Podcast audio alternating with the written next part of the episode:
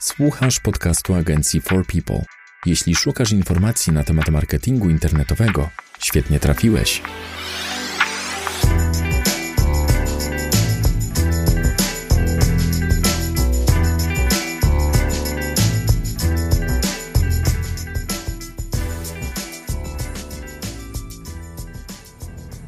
Cześć, dzień dobry. Witamy w kolejnym odcinku podcastu Marketing dla ludzi. Z tej strony Łukasz. I Paweł. W tym odcinku chcielibyśmy poruszyć kwestię przenoszenia strony na nowy silnik, to jest system CMS, lub pod nową domenę. Powiedz mi, Paweł, jakie sytuacje mogą być problematyczne pod kątem takiej zmiany strony? Zmieniając silnik strony, jej adresację, czy też no, nową domenę, możemy natrafić na wiele problemów, takich jak spadek widoczności, mm, utrata pozycji, spadek, ru, spadek ruchu na stronie, spadek przychodów, wszystko to może być spowodowane tym, że strona jest niewłaściwie przeniesiona ze starej wersji na nową stronę. Y, tutaj często pracując nad nową wersją strony, można powiedzieć, jesteśmy tacy troszkę zaślepieni, już nie możemy się doczekać tej nowej wersji strony. Mm, chcemy już zobaczyć, jak ona będzie działać. Już włoży, włożyliśmy w tą stronę bardzo dużo pracy, i finalnie chcielibyśmy zobaczyć, jak ona wygląda na żywo, już jest uruchomiona. Często niestety właśnie ten pośpiech i ta chęć zobaczenia tej nowej strony, zobaczenia tych efektów pracy włożonej przez ostatnie miesiące w tą nową wersję strony może doprowadzić do tego, że zapominamy o najważniejszych rzeczach, czyli wynikach, które udało nam się osiągnąć już w trakcie pozycjonowania naszej starej wersji strony. To powiedz mi, e, mówisz, strona straci ruch. Jakby co jest powodem tego, że strona straci ruch tak naprawdę przy, przy zmianie CMS lub domeny i, i jakich spadków można się spodziewać przy, przy, przy takiej zmianie CMS-a czy zmianie e, w ogóle domeny? Takim głównym powodem spadków jest, tak jak wspomniałem, pośpiech. Ale z tego pośpiechu wychodzą też takie mniejsze powody. Mniejsze, bo stanowiące części składowe tego głównego powodu, ale nie mniejsze ze względu na to, że, że są mniej ważne. Głównymi powodami może tutaj być niewykonanie odpowiednich przekierowań, brak optymalizacji nowej wersji strony przed jej uruchomieniem, niepokazanie robotom, że, że nową stronę można już indeksować. Okej, okay, a powiedz mi, jak dużej straty może się spodziewać właściciel strony, kiedy nie wykona tych wszystkich koniecznych prac? Wszystko zależy od tego, jak konkurencyjne są frazy, pod którymi strona jest widoczna, ale generalnie zasada jest taka, im wyżej jesteśmy, tym spadek będzie dla nas boleśniejszy. Okay. Najwięcej do stracenia, najwięcej do stracenia ma zawsze ten, który ma tą stronę fajnie wypozycjonowaną. Tutaj ten ruch zbudowany na stronie jest przez lata, przychody też są na zadowalającym poziomie, bardzo łatwo to zaprzepaścić, jeżeli nie pamięta się o najważniejszych elementach przechodzenia ze starej wersji na nową wersję. Okej. Okay.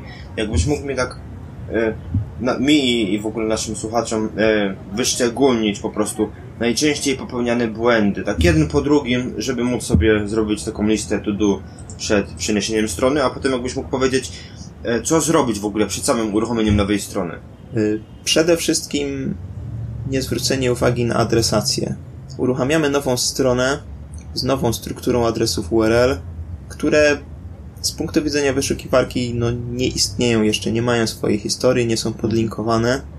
Jeżeli nie wykonamy odpowiednich przekierowań ze starych adresów, pod którymi strona wyświetlała się wysoko w wynikach wyszukiwania na te nowe adresy, to wtedy można powiedzieć cała, cała nasza praca, która została wykonana przez te x lat wcześniej trafia do kosza, bo tak na dobrą sprawę stare adresy przestają istnieć, a nowe adresy jeszcze nie istnieją, jeżeli spojrzy na to wyszukiwarka. Mm, drugim podstawowym problemem jest y, drugim podstawowym problemem jest niewprowadzenie zmian optymalizacyjnych na stronie. Czyli nie przyglądamy się, jak wyglądała dotychczas strona, jak została zoptymalizowana, jakie zawierała treści, jak zoptymalizowane były poszczególne podstrony. A, a powiedz mi, czy e, przy nowej wersji strony teksty muszą być dokładnie takie same, jota w jotę, jeden do jednego, czy teksty mogą się różnić od tych, które były na starej wersji strony internetowej? Jak myślisz, jak Google będzie traktować stronę, gdzie pojawią się jakieś nowe treści i być może trochę inaczej zoptymalizowane pod kątem SEO? Moim zdaniem Google lubi nowości. Każde odświeżenie treści, wzbogacenie tej treści, na której bazujemy, to jest z punktu widzenia wyszukiwarki plus. Jeżeli tekst na nowej stronie różni się od tekstu na starej stronie, no to może być to na plus pod warunkiem, że tego tekstu nie jest mniej, nie brakuje w nim odpowiednich fraz kluczowych, na, którym nam, na których nam zależy, nie jest jakiś niegramatyczny, nieprzygotowany pod użytkownika, tylko stricte pod robota wyszukiwarki, no to, to wtedy nie będziemy mieć takich problemów. Jeżeli któryś z tych błędów zostaje popełniony, no to ten nowy tekst może zostać potraktowany jako gorszy i przez to strona może po prostu stracić. Jednym z popularnych błędów przy przechodzeniu ze starej wersji strony na nową wersję jest zapomnienie o zdjęciu wszelakich blokad robotów indeksujących wyszukiwarki. Chodzi tutaj o sytuację, w której nie chcemy podczas prac deweloperskich, żeby nowa wersja już się zaindeksowała. Ustawia się odpowiednie blokady, żeby roboty wyszukiwarki nie indeksowały tych zmian, czyli z ich punktu widzenia one cały czas widzą starą wersję strony. No ale niestety, jeżeli już uruchomimy tą nową wersję strony, zdarza się, że te blokady nie są zdejmowane. I Google... Czyli chcesz powiedzieć, że Google jak wchodzi na stronę, a zrobimy przekierowanie, to po prostu jej nie widzi, albo ma zakaz indeksacji. Problem polega tutaj na tym, że wyszukiwarka przestaje widzieć stare adresy, ponieważ po zmianie adresacji na starych adresach wyświetlają się błędy 404, czyli nieistniejąca strona i Google powoli y, widzi, że tych stron, które kiedyś, kiedyś miały zaindeksowane jest coraz mniej, natomiast nowe adresy nie indeksują się z racji ustawienia blokady. Więc to jest istotne, żeby pamiętać o tym, że jeżeli chcemy uruchomić nową stronę, to równie, również musimy zdjąć tą blokadę indeksacji. Powiedz mi, w przypadku przeniesienia strony pod inne adresy URL, na przykład w innej domenie albo w innej strukturze, jakich przekierowań powinniśmy użyć? Czy to powinno być 301 czy 302? Bo wiem, że są różnice i każde przekierowanie dotyczy innej sytuacji. Przekierowania 302 to tak zwane przekierowania czasowe i tutaj stosuje się je w sytuacji, gdy chcemy rzeczywiście przenosić z jednego adresu na drugi, ale jest to sytuacja tymczasowa. Jeżeli zmieniamy adresację strony, czyli tak jak w przypadku przechodzenia ze starej wersji na nową, prawdopodobnie jest to zmiana na stałe, więc tutaj powinniśmy zastosować przekierowania 301. Okej. Okay. Są jeszcze jakieś inne, najczęściej popełniane błędy wśród właścicieli domen? Wydaje mi się, że te trzy wymienione przeze mnie, a więc brak prowadzenia optymalizacji, brak prowadzenia przekierowań i niepamiętanie o zdjęciu bloka to są takie najczęściej spotykane błędy, które mogą naprawdę bardzo drastycznie wpłynąć na widoczność strony w wynikach wyszukiwania i to negatywnie.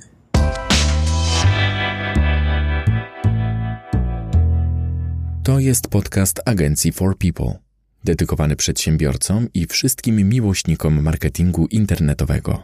Jak podejść do przygotowania takich przekierowań ze starych adresów na nowe? Jak przygotować mapę przekierowań? Na czym to polega? Jakby kiedy powinno w ogóle zacząć się praca? Ja, siadając właśnie do takiego przenoszenia ze starej wersji na nową wersję strony, przede wszystkim przeglądam tą starą wersję strony i porównuję ją z nową wersją strony.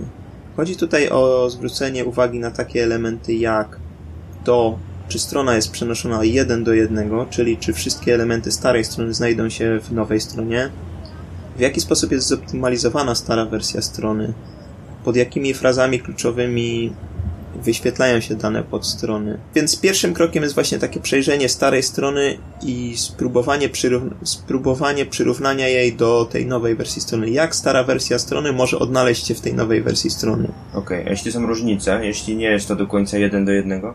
Jeżeli nie jest to jeden do jednego i pojawiają się nowe podstrony, na przykład nowe kategorie, nowe produkty, to tutaj problemu nie ma, bo tutaj wraz z rozpoczęciem działania nowej wersji strony też te nowe podstrony zaczynają swoje życie. Można powiedzieć, że tak troszkę od zera. Okej, okay. a co ze starymi usługami na przykład, które już nie są oferowane i jakby nie ma ich, nie ma tych podstron w nowej wersji?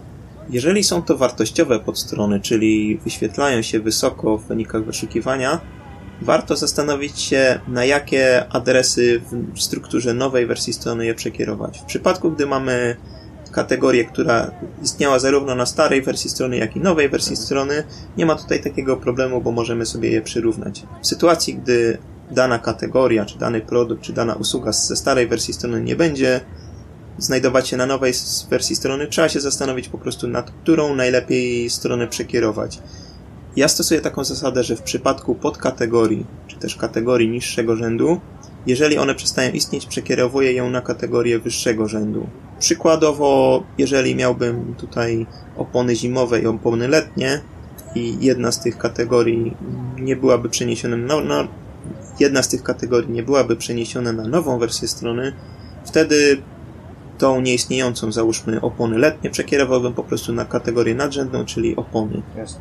W innych przypadkach sugeruję albo wybór podobnych produktów, jeżeli tu chodzi o produkty, albo po prostu przekierowanie danej strony na stronę główną, bądź też, jeżeli prowadzimy bloga, na wpis blogowy powiązany tematycznie z daną kategorią. Okej, a powiedz mi, powiedzmy, że mamy sklep, mamy platformę e-commerce, jest 10 tysięcy produktów, zmieniamy system CMS, przechodzimy na inny.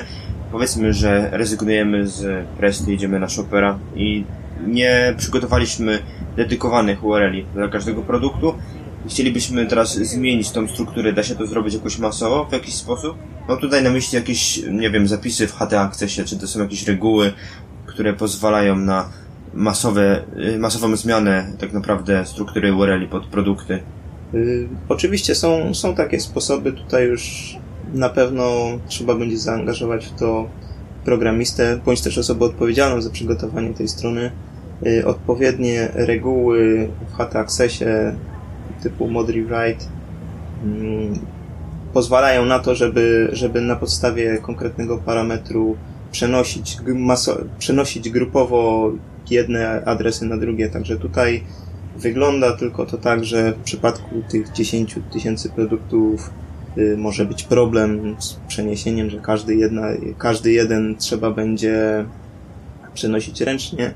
Jeżeli, jeżeli po prostu zasygnalizujemy coś takiego web developerowi, że potrzebujemy przekierować takie adresy ze starych na nowe, na pewno nie będzie problemu ze znalezieniem odpowiedniego rozwiązania.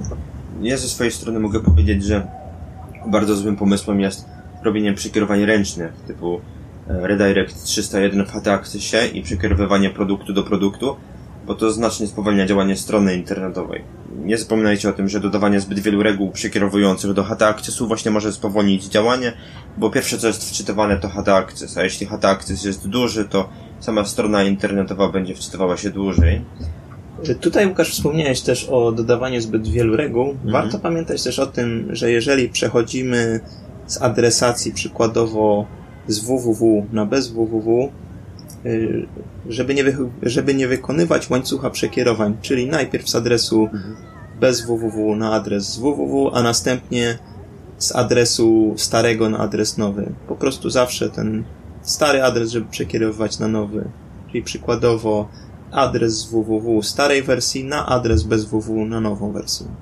Więc jakby mapa przekierowań to jest, można powiedzieć, jeden z najważniejszych elementów, ale też samo zoptymalizowanie podstron też jest bardzo istotne. I tutaj, jeżeli przeglądamy właśnie tą starą wersję strony, to warto właśnie sprawdzić sobie, jak wygląda title starej strony, jak wygląda content, czy rzeczywiście wymaga on odświeżenia, czy nie, w jaki sposób są zoptymalizowane opisy alternatywne dla grafik, czy są nagłówki wykorzystywane, jakiego rodzaju to są nagłówki wykorzystywane, w jaki sposób i czy, które i w jaki sposób elementy przenieść na nową stronę.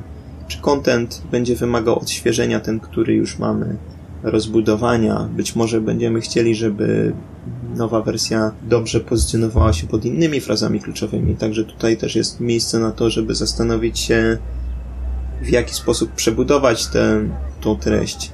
Być może będzie tutaj konieczne nie tyle przeniesienie całej optymalizacji 1 do 1, czyli optymalizowanie tej nowej wersji strony w taki sam sposób, jak była zoptymalizowana stara wersja strony, ale po prostu zastanowić się, jak zrobić to lepiej, bo wcale nie jest powiedziane, że że obecna wersja strony jest dobrze zoptymalizowana. Może, by, może być tak, że po prostu ten moment przejścia z jednej wersji na drugą będzie taki doskonały czas, żeby przysiąść na te, nad tą stroną, zastanowić się, co jeszcze poprawić, jakie elementy nie grały na starej wersji strony, jakie poprawić w nowej wersji strony i jeżeli tylko o tym pamiętamy, dokładnie to przeanalizujemy, to zamiast spadku możemy spodziewać się też wzrostów.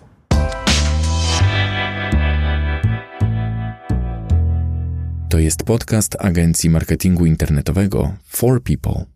Są jakieś narzędzia, jakieś metody na to, żeby przyspieszyć indeksację nowej wersji, żeby Google szybciej zauważył to, że zmieniliśmy strukturę? Wydaje mi się, że najlepszym, najlepszym rozwiązaniem jest tutaj y, przygotowanie mapy strony XML dla nowej wersji strony i po prostu dodanie jej do Google Search Console. To na pewno znacznie przyspiesza wizytę robotów indeksujących na stronie. Pozwala to przeanalizować nową strukturę adresów, no i odwiedzić po kolei poszczególne adresy, żeby jak najszybciej y, te zmiany, które zostały wprowadzone, tutaj się mm, zaindeksowały. Ja tutaj chciałbym dodać jeszcze jedno zdanie do tego, co mówiłeś wcześniej odnośnie rekonstrukcji czy przebudowy samej witryny. Warto pamiętać o tym, że przy dużych serwisach, jeśli zmieniacie strukturę adresów, dobrze jest zastanowić się nad tym, które podstrony konwertowały, a które tak naprawdę sprowadzały ruch, który nie przekładał się na sprzedaż czy na pieniądze dla Was. Jeśli posiadacie stronę z kilkoma lub kilkunastoma tysiącami podstron, dobrze jest wykluczyć część z nich, zwłaszcza tych, które są w oczach wyszukiwarki takie nieistotne. W ten sposób możecie wykorzystać bardziej sensowne podstrony do przyciągania ruchu. Miałeś takie strony, gdzie zakazanie wstępu robotom Google przełożyło się na wzrosty widoczności czy ruchu, gdzie tak naprawdę indeksacja jest mniejsza, a ruch jest wyższy?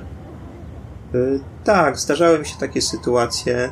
Tutaj yy, trzeba po prostu zwrócić uwagę na tak zwany teen content, czyli te podstrony niskiej jakości, bądź takie właśnie niekonwertujące na do, dotychczasowej wersji strony.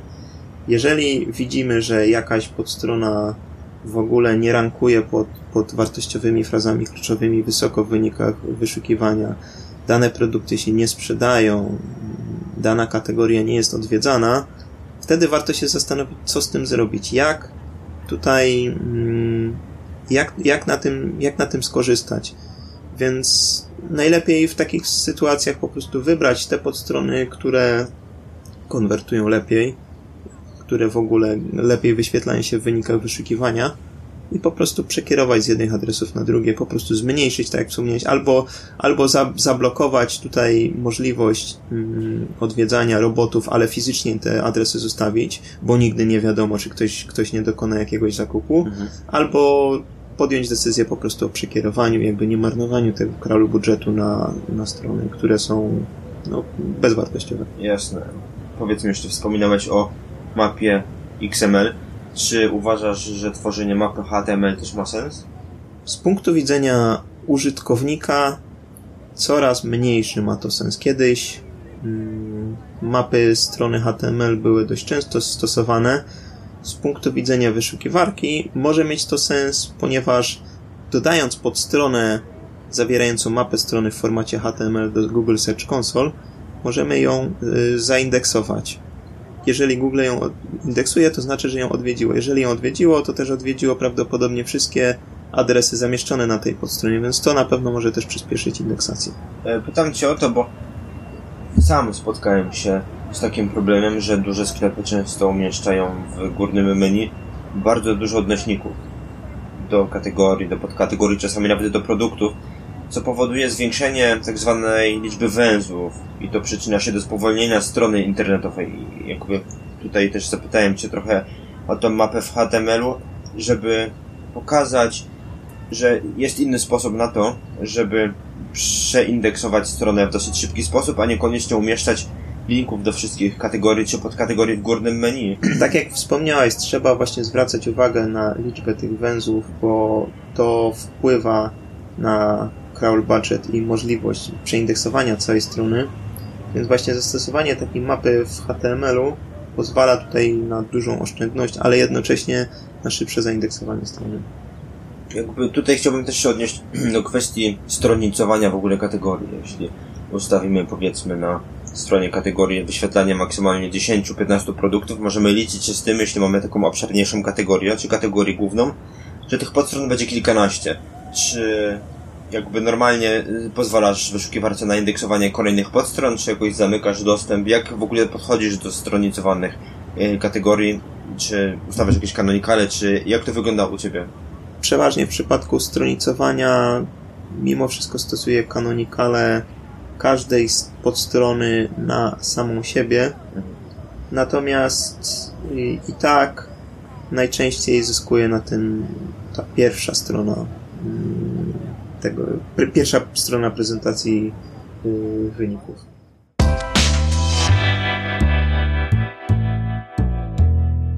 To jest podcast agencji For People, specjalistów od marketingu internetowego.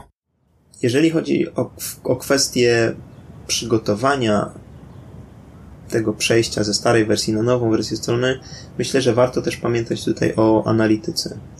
Często zdarza się tak, że przechodzimy właśnie na tą nową wersję strony, zapominając o przeniesieniu czy to skryptu Google Analytics, czy to skryptu Google Tag Manager, czy w przypadku adsów też wszystkich niezbędnych skryptów. Mhm. Co może doprowadzić do tego, że odwiedzimy sobie Analyticsa i nagle widzimy straszliwy spadek, nie wiemy co się stało, strona nie sprzedaje i tak dalej. A jest to takie troszkę zakrzywienie rzeczywistości, bo na dobrą sprawę wszystko się dzieje po staremu, natomiast nie widzimy tego z racji tego, że skrypt nie funkcjonuje, bądź w ogóle nie ma go na stronie. Także istotne jest to, żeby, żeby zachować ciągłość danych, musimy również przenieść skrypt ze starej wersji na nową wersję. Czyli używamy tego starego kodu, nie robimy nowego kodu. Najlepiej tak, bo w przypadku, gdy zamienimy stary kod na nowy, nie będziemy mieć danych historycznych, to znaczy będziemy mieć dane historyczne w naszym Google Analytics, które po pewnym momencie się po prostu ucinają, bo w danym momencie skrypt przestaje istnieć a od momentu zapięcia nowego skryptu dane są zbierane na nowo i w żaden sposób, w żaden wygodny sposób nie będziemy w stanie porównać sobie starych danych do nowych danych. W przypadku, jeżeli mamy zachowanie ciągłości danych, to na przykład możemy sobie porównać miesiąc wrześniowy do poprzedniego roku, czy do września 2-3 lata temu, czy po prostu do jakiegoś wcześniejszego okresu, czyli na przykład do sierpnia tego samego roku. Jeżeli będziemy mieć dwa odrębne kody Analytics, no to będziemy mieć też dwa odrębne widoki. Te dane będziemy musieli porównywać na zasadzie bardzo ręcznej. Ojej, no to sporo roboty. Jednym słowem, brak zadbania o uniknięcie błędu z przenoszeniem strony, czy to na nowy system CMS, czy w ogóle na nową domenę, spowoduje straty w przychodzie, a to bywa bolesne. W przypadku wyłącznie internetowego biznesu możemy mówić nawet o konieczności zamknięcia firmy, bo brak właściwie zaistnienia w sieci powoduje brak klientów. Czy mógłbyś coś na koniec jeszcze powiedzieć klientom, jakby co powinniśmy w tej kolejności zrobić, jeśli myślą o tym, żeby, żeby zmienić stronę internetową? Tutaj chciałbym wrócić do tego, co powiedziałem na samym początku, czyli właśnie tej ekscytacji nową wersją strony, już chęcią przejścia po tych miesiącach ciężkiej pracy, już chęci pokazania naszym kontrahentom, naszym klientom nowej identyfikacji wizualnej, to nie może nas troszkę tak zaślepić i nie możemy się skupiać na tym, bo musimy pamiętać o tym, że nasza stara wersja strony ma wypracowane wyniki. Jeżeli przedstawimy wyszukiwarce nową wersję strony bez wykonania odpowiednich działań, to na dobrą sprawę roboty wyszukiwarki potraktują jako zupełnie nową stronę, i w żaden sposób ta nasza praca włożona w to wcześniej, czyli właśnie w wypracowanie tych wyników, nie przeniesie się na nową stronę. Możemy być bardzo stratni. Należy o tym też pamiętać, że te zmiany nie będą widoczne od razu. Przez pewien czas strona będzie troszkę zawieszona w próżni. To znaczy Google w swoich y, data center, czyli w swoich bazach danych będzie widziała jeszcze starą wersję strony, natomiast w rzeczywistości fizycznie będzie już funkcjonować nowa wersja strony, więc dla Google sytuacja będzie taka, jak była zawsze, ale powoli indeksując nową wersję strony, te zmiany zostaną przez wyszukiwarkę zauważone, więc jeżeli nie podejmiemy odpowiednich kroków, no to stopniowo będziemy tutaj tracić. A o jakim czasie mówimy, jeśli chodzi o zauważenie w ogóle zmiany y, w przypadku Google? Nawet jeśli nie zgłosimy do Google Search Console. Wszystko zależy od szybkości indeksacji, ale mogą to być zarówno tygodnie, jak i miesiące. Jednym słowem, życzymy Wam cierpliwości przy pracy nad nową wersją strony, przy jej przenoszeniu. Również życzymy Wam cierpliwości w oczekiwaniu na kolejny odcinek, także dziękujemy za uwagę. Z tej strony był Łukasz. I Paweł. Do usłyszenia następnym razem. Zapraszamy Was na naszą stronę firmową forpeople.pl i na naszego bloga marketingdlaludzi.pl, gdzie znajdziecie również artykuł Pawła na temat tego, o co zadbać przy przechodzeniu na nową wersję strony internetowej. Do usłyszenia i trzymajcie się. Powodzenia w biznesach. Cześć. To był podcast agencji marketingu internetowego For People. Dziękujemy za uwagę. Wolisz czytać niż słuchać? Zapraszamy na stronę naszego bloga marketingdlaludzi.pl. A jeśli potrzebujesz pomocy z promocją firmy w internecie, odwiedź naszą stronę forpeople.pl. Zapraszamy do wysłuchania następnych odcinków. Do usłyszenia.